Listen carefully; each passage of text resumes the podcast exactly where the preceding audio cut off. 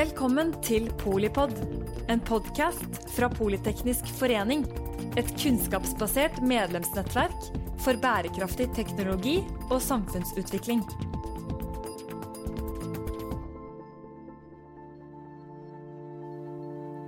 Velkommen til Polipod fra Arendalsuka, og fulladet eh, som vanlig, vil jeg si. Tom Jensen, CEO i Freier. Freyr, til denne episoden om eh, batteri, batteri og mer batteri. Tom, hva burde vi snakke om når vi snakker om politikk? Ja, først og fremst så syns jeg det er utrolig hyggelig å være her. da. Det er alltid hyggelig å, å snakke med dere, og, og, håper at lytterne på en måte får litt ut av dette her. Men når vi snakker om politikk i dag, eh, så vil jeg si at det handler om energi. Eh, og det handler om hvordan eh, ikke bare Norge, men liksom verden skal sikre en raskest mulig overgang til en fornybar energifremtid. Og den fremtiden den må komme mye fortere enn det folk tror. I dag er det fortsatt slik, dessverre, at 80% av all energi som produseres globalt, er ikke fornybar. Eh, og den må bli 20% ikke-fornybar i løpet av så kort tid som mulig. Det er flere og flere nå som snakker om at eh, disse klimascenarioene som vi ser for oss, at man har på en måte undervurdert bevegelsen mot noen av de verre scenarioene. Og man ser stadig flere tegn på overalt, og vi ser det jo rundt oss eh, nå, at klimaendringene går mye fortere og er mye tøffere enn det folk tror. Og dette handler jo selvfølgelig mye om hvor mye CO2 vi slipper ut i atmosfæren som i hovedsak kommer fra forbrenning av drivstoff og eh, forbrenning av kull og gass når man produserer elektrisitet. Og så er ikke dette en enkel ligning. Eh, det er det jo ingen som på en måte kan påstå. For det er faktisk slik at vi har bygget opp energisystemet vårt på en sånn måte at vi er nå fundamentalt avhengig av kull og gass for å kunne ha strøm inn i hjemmene våre og for å kunne produsere de produktene som, som verden trenger. Så hvis vi skal snakke om politikk, og vi skal snakke om hva som teller, så er det hvordan kan vi ha en offensiv fornybar energipolitikk eh, i et lys av skjerpede klimaendringer. Og hvilken rolle kan Norge spille i dette? Norge har jo blitt velsignet fra naturen sin side. Om det er gudgitt eller ikke, får vel noen andre som er kapable på det området, diskutere. Men det er i hvert fall slik at Norge har fått fra naturen sin side enorme gaver. Først så var det vannkraften, som er for alle praktiske formål jeg vil si ryggraden i det norske industrielle systemet. Sam Eide og Birkeland og liksom utviklingen av vannkraft til industrielt formål fra 1905 og fremover har bygget opp hele Norges energi, energiintensive og prosessintensive kompetansenettverk. Nå er det ikke så veldig mye mer vannkraft vi kan uh, utnytte. Vi kan selvfølgelig optimalisere en del kraftverk osv. Men det er vindkraft i hovedsak. Kanskje optimaliserte solcellepaneler på alle hustak rundt omkring i Norge som kan skape mer kraft i Norge. Men det er klart, on- og offshore vindkraft er et veldig kritisk element for at Norge skal kunne løfte seg på energiforsyningssiden. Og så tror jeg det er riktig at vi er koblet til Europa sånn som vi er. Eh, for å kunne bidra som et grønt batteri til eh, den europeiske kraftagendaen, kanskje også spesielt nå i lys av Ukraina-krisen. Men vi er nødt til å bygge ut mye mer fornybar energi i Norge. Og vi er nødt til å balansere dette med batterier. Eh, for da kan vi klare å fortsette å være og et, kanskje et enda større grønt batteri for Europa enn det vi har vært. Jeg syns regjeringens ambisjon om 30 gigawatt uh, i 2040 er en god start, men vi kan gjøre mye mer. Og jeg tror vi må gjøre mye mer. Og jeg tror det må en sånn dugnadsånd til for å liksom virkelig ta inn over seg hvilken rolle Norge kan spille. Vi må huske på at vi har 100 pluss minus 100 plattformer ute i Nordsjøen i dag. Danmark snakker nå om å lage kunstige energiøyer for å kunne utløse mer fornybar energiproduksjon i den delen av Nordsjøen hvor Danmark på en måte har eh, herredømme, for å si det sånn. Norge har 100 sånne kunstige energier ute i, i, i, havet. Og vi kan putte vindmøller rundt omkring alle disse og optimalisere og skape et helt nytt energieventyr. Så hvis vi skal snakke om politikk, så handler det om energi. Hvis ikke vi liksom får utløst mye mer fornybar energi i Europa og i verden, og da spesielt i Norge, så kommer vi ikke til å løse klimaendringene. Og det siste jeg skal si i den sammenhengen da, er Norge, som jeg sa, har vært velsignet og er fortsatt velsignet med fornybare energiressurser. Og det som jo er helt det paradoksale, er at Norge er det landet i Europa, med unntak av Russland, som jo nå har satt seg selv litt på sidelinjen, som har de soleklart største offshore vindressursene i Europa. Og et av de absolutt beste vindressursene i hele verden. Og det må vi utnytte. Vi har verdensledende offshorekompetanse. Det er ingen som kan bygge installasjoner ute i eh, hardt vær som oss. Og det må vi ta inn over oss. Det var en søknad til eh, energiministerrollen neste valg. Veldig Nei, det, det, har, det, har, vært nok politikere i min familie, så jeg kommer ikke til å liksom, eh, gå den veien der. Det, jeg tror jeg skal holde meg til det, jeg driver med, som er å utløse eh, akselerert utbygging av fornybar energi, industri, skal vi si, fasiliteter. Sånn som vi nå da gjør i, i, i Mo i Rana. Nei, så altså, Freyr er jo det er jo et eventyr, må jeg si, det vi holder på med. Eh, litt sånn norrøn mytologi bak navnet vårt, selvfølgelig. Selv om eh, dette ikke liksom er noe særlig mytologisk, så er det veldig sånn industrielt.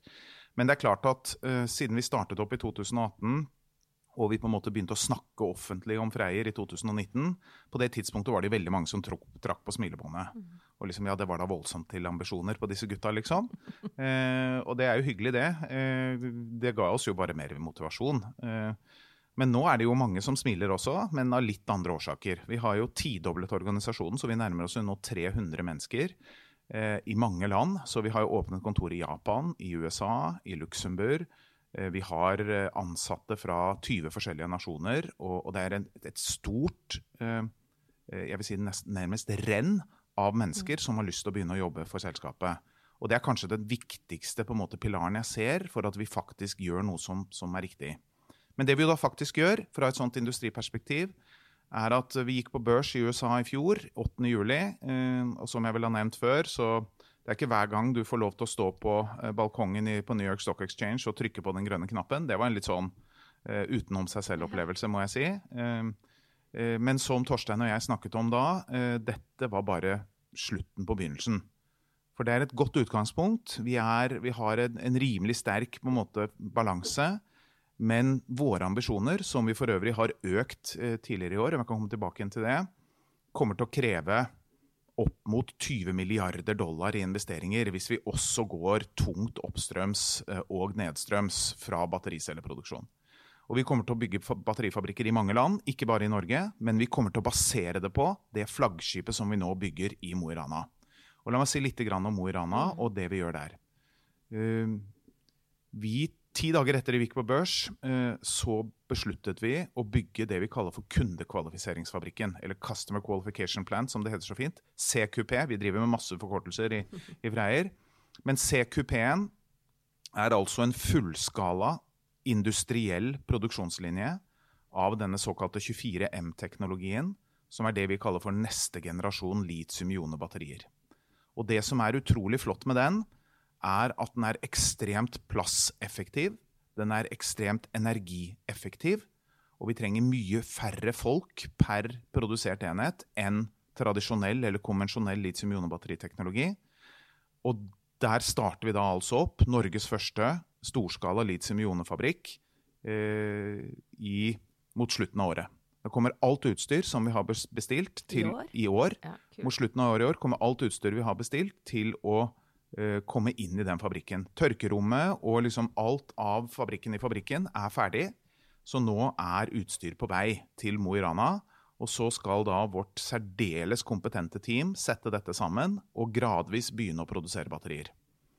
Det som er viktig med en sånn kundekvalifiseringsfabrikk, som noen kaller for en pilot, er at vi må produsere batterier der hvor vi faktisk skal produsere de kommersielt, og kundene våre må teste de.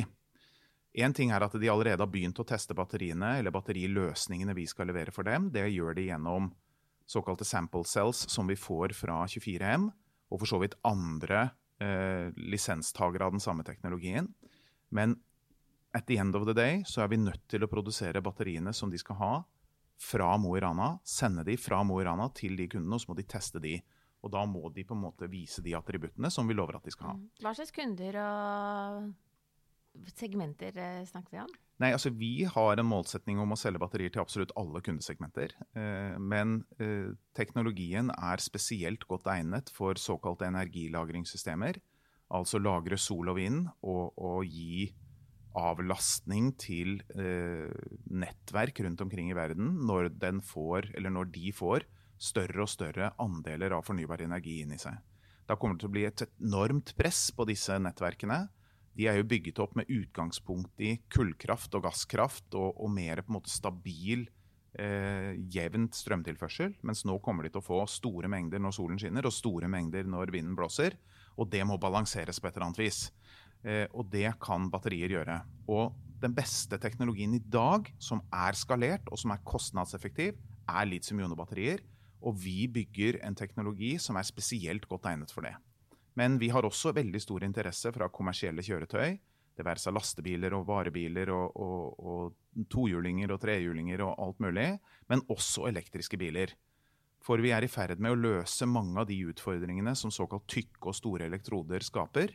Som går på hvor raskt du kan lade og utlade batteriet.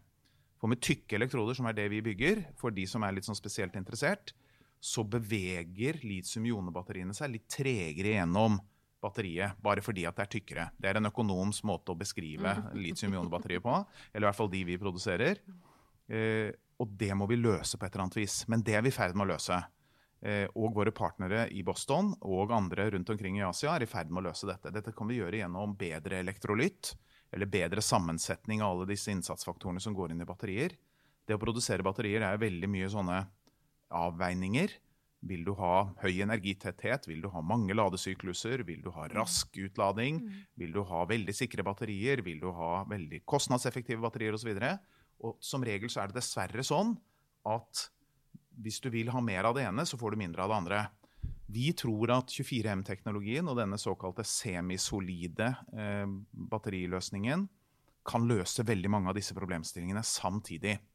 Og da la meg være litt mer teknisk i forhold til fabrikkene der oppe. Vi hadde jo så eh, Eller jeg vet ikke om vi kaller det flaks, da, men vi var i hvert fall veldig glad for at eh, industri, næringsministeren bestemte seg for å komme til Mo i Rana og lansere batteristrategien den 29.6 i år. Det er ikke så lenge siden. Og, og, vi er veldig stolte av å kunne være vertskap for lanseringen av den nasjonale batteristrategien, som er et godt utgangspunkt for at Norge kan ta en virkelig tung rolle i, eh, i, i batterieventyret som verden står overfor. Og vi lanserte samme dag eh, at styret i Freyr hadde tatt beslutning om det vi nå kaller Giga Arctic. Eh, og det er jo fordi at Mo i Rana ligger jo nesten på den arktiske eh, sirkelen. Og Giga Arctic et, vil være et flaggskip. Det vil være 29 gigawatt-timer med installert kapasitet, som gjør det til en av Europas største batterifabrikker. men den bygges altså på en tomt som er 80 000 kvadratmeter. Og det betyr at størrelsen vi bygger det på Nå bygger vi det i flere etasjer, og sånn, så gulvarealet i fabrikken kommer til å være 120 000 kvadratmeter. Og vi kommer til å bygge åtte av disse produksjonslinjene som vi nå starter opp i denne piloten, eller kundekvalifiseringsfabrikken, om ikke så altfor lenge. Og Grunnen til at vi gjør det, er at eh, bl.a. i tillegg til at vi ønsker å levere batterier til våre kunder, at vi ønsker å utsette oss selv for all den hodepinen som du får når du skal produsere batterier. For det er ikke lett å sette sammen elektrokjemiske løsninger av den eh, typen vi eh, vil, i den hastigheten vi må produsere det i. Og Derfor er det fint at vi kommer til å ha en 18 måneders tid på å prøve og feile og lære, og utdanne eh, topptrente ingeniører osv. til å da være klar til å produsere dette i mye større skala når disse åtte produksjonslinjene gradvis settes i produksjon fra starten av 2024. Så gjennom første halvår i 2024 så begynner vi å starte opp Giga Arctic. 100 000 kvadratmeter flatinnholdbygg med oppstrøms og nedstrøms eh, og 630-640 ansatte i, i, den fabrikken. Eh, vi er på god vei til å skaffe oss den kapasiteten og kompetansen vi trenger. Og noen andre observasjoner rundt dette. Jeg sa at dette var en veldig effektiv teknologi, og det er jo sant. Vi er sannsynligvis 80% mindre enn tilsvarende konvensjonelle batterifabrikker altså en femtedel så stor. Eh, og det er klart at det gjør at man kan se for seg å bygge sånne fabrikker helt andre steder enn det man kanskje hittil har tenkt. Og så er den dobbelt så kapitaleffektiv, kanskje mer enn dobbelt så kapitaleffektiv. Som altså betyr at vi bruker mye mindre investeringer per installert gigawatt-time med kapasitet enn det konvensjonelle batterifabrikker gjør. På toppen av det så vil våre ansatte kunne produsere opp mot tre ganger mer batterier per ansatt enn det konvensjonelle fabrikker gjør. Og noe av grunnen til det er at det er en mye mer plassoptimalisert fasilitet, så vi kan jobbe med flere produksjonslinjer i parallell. Eh, men det er også sånn at vi kan øke hastigheten i produksjonen fordi at vi har fundamentalt optimalisert hvordan litium-ionbatterier produseres. Den korte versjonen av dette er at vi bruker elektrolytten, som normalt fylles på konvensjonelle batterier på slutten. Det bruker vi som bindemiddel til å begynne med. Og da slipper vi alle disse løsemidlene som konvensjonelle batteriproduksjoner har. Og de løsemidlene må man eh, trekke ut av batteriene før du putter på elektrolytt. Og det krever veldig mye varme og veldig lange samlebånd-type produksjonssystemer som vi nærmest eliminerer. Og det gjør at dette er liksom neste generasjon. Det er mer kostnadseffektivt, bruker samme råmaterialer, vi kan produsere mye raskere. Vi kan levere nær samme performance som konvensjonelle batterier eh, på, om, på, omtrent alle forskjellige bruksområder. Og på noen bruksområder så er de veldig mye bedre. Og så er det veldig stort utviklingspotensial i det. Det er en, eh, en mye mer fleksibel og på en måte byggeklossaktig eh, teknologi. Og de aller fleste store aktørene innenfor de forskjellige eh, markedssegmentene er jo interessert i denne teknologien. Og kanskje det viktigste som har skjedd siden forrige Arendalsuke hvor jeg snakket med deg, mhm. er jo at Volkswagen-gruppen kom inn som eh, andre europeiske lisenshaver etter Freyr. Og også en stor investor i selskapet. Og vi er også for øvrig en investor i 24M. Så, så dette er noe av det som har skjedd. Eh, hvis jeg skal si litt mer på slutten, før vi går over kanskje til andre temaer, eh, så ser vi nå også veldig aktivt eh, på å engasjere oss i aktive materialer, eller innsatsfaktorene inn i battericelleproduksjon. Vi kommer mest sannsynlig til å også etablere en stor katodefabrikk, enten i Norge eller i Finland, med såkalte LFP-katoder, så litium-jernsulfat-katoder. For det er det vi kommer til i første omgang produsere såkalte LFP-batterier, som er spesielt godt egnet for uh, energilagringssystemer, men også kommersielle kjøretøy. Det er mye billigere, uh, det har ikke kobolt i seg. Uh, vi blir ikke utsatt i like stor grad for de råmaterialinflasjonene vi, eller prisstigningene som vi ser rundt oss. Og, og, men i dag så kommer nesten alt av LFP-materiale, eller prosessert LFP-materiale, kommer fra Kina. Så vi kommer til å bygge verdens største katodefabrikk utenfor Kina. Som kommer til å da forsyne Giga Arctic med LFP-katodemateriale. Og det er jo den største kostnadskomponenten, og også kanskje den største CO2-bidragende komponenten i dag, inn i batteriproduksjon. Så når vi da både bruker fornybar energi til å produsere batteriene i Norge, og vi bruker fornybar energi til å produsere katodemateriale, så har vi allerede redusert CO2-fotavtrykket med mer enn 50% sammenlignet med konvensjonelle batterier. Og vår ambisjon er å redusere det med 80% så raskt som overhodet mulig, eh, og så gå til null. Og vi har veikart for hvordan vi skal komme til null. Så hvordan skal vi avkarbonisere alle innsatsfaktorer inn i batteriproduksjon, i tillegg til å bruke fornybar energi i batteriproduksjon? Og da får du avkarboniserte batterier og batterier er den løsningen som kan bidra til selvfølgelig, avkarbonisering av transportsektoren. Det er ganske åpenbart. Man fjerner eksospotta. Man har batterier i, i bilene. Men hvis batteriene er produsert med mye CO2 i den kraftkilden de har, så har du egentlig bare flyttet CO2-utslippet. Og Derfor så må batteriene også produseres. Ikke bare batteriene, men også innsatsfaktorene må produseres med fornybar energi. Og her har Norge en unik mulighet. Og dette tror jeg er noe av grunnen til at Vestre la frem batteristrategien i Mo i Rana. Norge kan være til stede langs hele verdikjeden. Vi har også masse råmaterialer i Norge som vi kan utvinne, og så kan vi videreforedle de her. Og så kan vi putte de inn i batteriløsninger. Og vi har et økosystem med kompetanse, med forskning og utvikling. Og vi er det landet i verden som er soleklart langst fremme når det gjelder elektrifisering av bilpark, men også nå av marin, og etter hvert også fly, for innenriks bruk. Og det må vi kapitalisere på. Vi må utdanne mer mennesker. Vi må eh, etterutdanne alle de flotte ingeniørene vi har innenfor offshoresektoren, som er mer enn hjertelig velkommen til å komme og jobbe i en av våre batterifabrikker. Og det kommer til å bli mange av.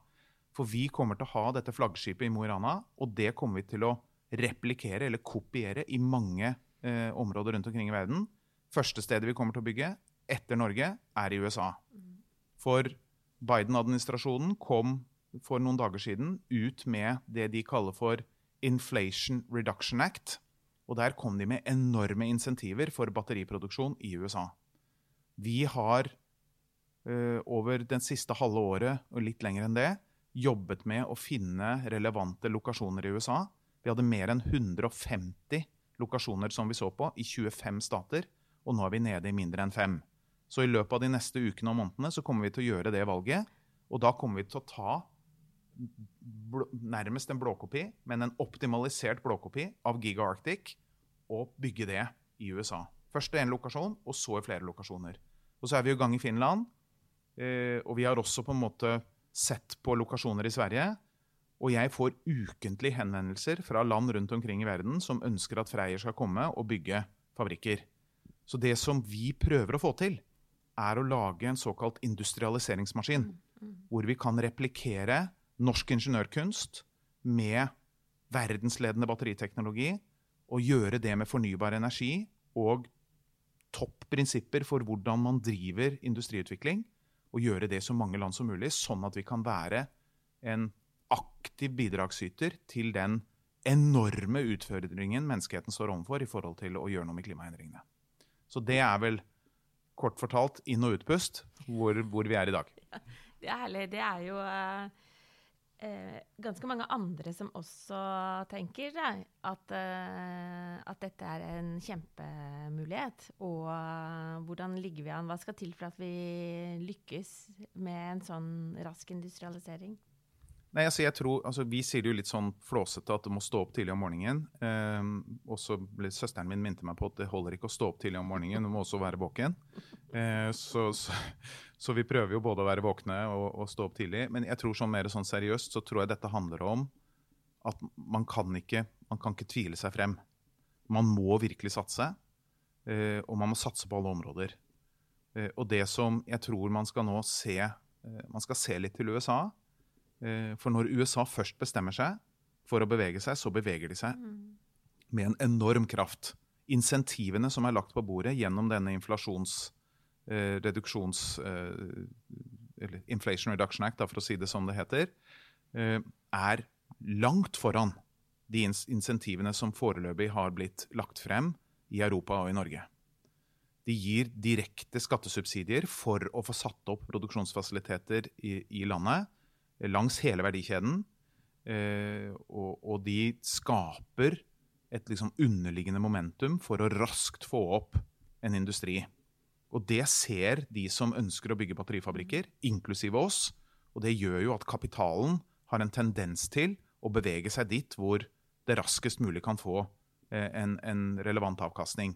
Nå skal det sies at vi har i Norge gjennom batteristrategien og den støtten som vi foreløpig har blitt forespeilet fra Eksfin, det gjør oss veldig komfortable i forhold til å bygge fabrikker i Norge. Men hvis vi ønsker å utvide dette og gjøre mer, både opp- og nedstrøms fra battericelleproduksjon og mer batteriproduksjon, så må det kraftigere lut til. Eh, fordi nå våkner resten av verden i, forhold til denne utfordringen. Og da kommer på en måte insentivene til å spille en rolle i forhold til hvor kapitalen og kompetansen går. Det er bare den brutale virkeligheten. Eh, men Norge har komparative fortrinn eh, som andre land ikke har. Eh, vi har 100 års erfaring i å produsere og eksportere energi i alle mulige former. Vi har bygget gigaprosjekter, både onshore og offshore, i, i mange mannsaldre. Og vi er utrolig gode på det. Men hvis vi ikke kjenner vår besøkelsestid her nå, så kan vi miste ganske mange muligheter som vi ellers kunne fått. Og da må vi orke å ta de vanskelige diskusjonene. Og vi må orke å liksom forklare for folk på et godt norsk språk hva dette betyr eh, i en større sammenheng. Og da kan vi ikke sitte og se på hverandre og være litt sånn oss selv nok. Det har vi ikke anledning til å være. Og vi ser jo nå gjennom strømkriser og alt mulig i sør eh, at én grunn til dette er jo selvfølgelig at vi har bygget for lite fornybar energi. Eh, og det må vi også kunne ta inn over oss. Eh, samtidig som vi også må erkjenne at det at vi har den fleksibiliteten på kraftutveksling, gjør at vi kan få tilgang på kraft som vi ellers ikke ville kunne fått i de år hvor det er knapphet på kraft i Norge. For det skjer jo, og det skjer jo faktisk nå. I tillegg til at selvfølgelig Europa etterspør mye mer strøm nå enn de noensinne har gjort, pga. i hovedsak eh, krigen og krisen i Ukraina. Men vi må bygge mer energi. Vi må bygge mer balansekapasitet til dette. Og Norge kan være helt i front på det, men da må vi slutte å tekkes alle særinteresser i dette. Vi er nødt til å ta litt tøffe valg. Og så må jeg trekke liksom et sånt siste liksom, eh, sukk, eller hva jeg skal kalle det. Vi må ikke elektrifisere sokkelen med fornybar energi fra land. Det er ikke en god idé. Eh, jeg skjønner at det er kanskje den eneste måten Norge kan nå sine eh, fastsatte klimamål på, men da flytter vi bare klimautfordringen til et annet sted. Og CO2 i atmosfæren, det er knekkende likegyldig hvor den kommer. Og da må vi bruke kraften til å få maks uttelling i forhold til CO2-reduksjon. Og det kan vi få gjennom å bygge grønne batterier og eller annen grønn industri i Norge. Men det hjelper ikke om vi erstatter gasskraftturbiner på plattformene med vannkraft. Det gjør ingenting for CO2-regnskapet globalt. Men det gjør noe med CO2-regnskapet i Norge, og det er derfor det er så stor eh, eh skal vi si, eh, tilhengerskare rundt det i mange politiske miljøer og i embetsverket. Men vi er nødt til å slutte med dette. Det, vi kan ikke kaste bort denne fantastiske fornybare energien på å elektrifisere plattformene. Men jeg har et forslag jeg, som jeg syns er ganske bra. Siden alle disse plattformene kan bli konvertert til energiøyer, sånn som Danmark har gjort, så kan vi jo heller akselerere utbyggingen av offshore vindkraftverk og subsidiere det, da, hvis man syns det er for dyrt. Og nå er jo ikke det e-, lenger sant. Altså, Med dagens kraftpriser så er jo offshore vindturbiner kjempelønnsomt. Og så kan man kombinere det med flytende batteribanker slik at man kan først elektrifisere disse plattformene og få akselerert utviklingen av mer fornybar offshore vindenergi. Og så kan man over tid, når vi skjønner at vi må slutte med olje og gass, og vi har alternative energikilder, så kan vi bruke disse 100 plattformene til å være verdensledende energiøyer og, og være Europas store grønne kraftleverandør og store grønne batteri. Men ok, jeg er jo over gjennomsnittlig forutinntatt i dette, selvfølgelig. Så, så, så, vi må på en måte ta det med i betraktningen. Men, men det er helt åpenbart for meg at det fins tekniske løsninger. Det er ikke et spørsmål om hvorvidt vi kan få dette til. Det er bare spørsmål om vilje. Let's do it, eh, Tom. Du har eh, både stått opp, eh, du er ganske våken. Du sprer entusiasmen langt gjennom eteren her. Tusen takk til Tom Jensen, CEO i Freyr. Takk for skikkelig fulle batterier, som også våre lyttere antageligvis lader seg opp på. Takk for at du hører på der du er og når det passer deg. Jeg er eh, Mette Vågnes Eriksen, generalsekretær i Politeknisk forening, og stemmer i Batteri, batteri og mer batteri. Takk for at du lyttet til Polipod fra Politeknisk forening. Få med deg flere episoder, eller bli med på nettverksmøtene som du finner på at polyteknisk.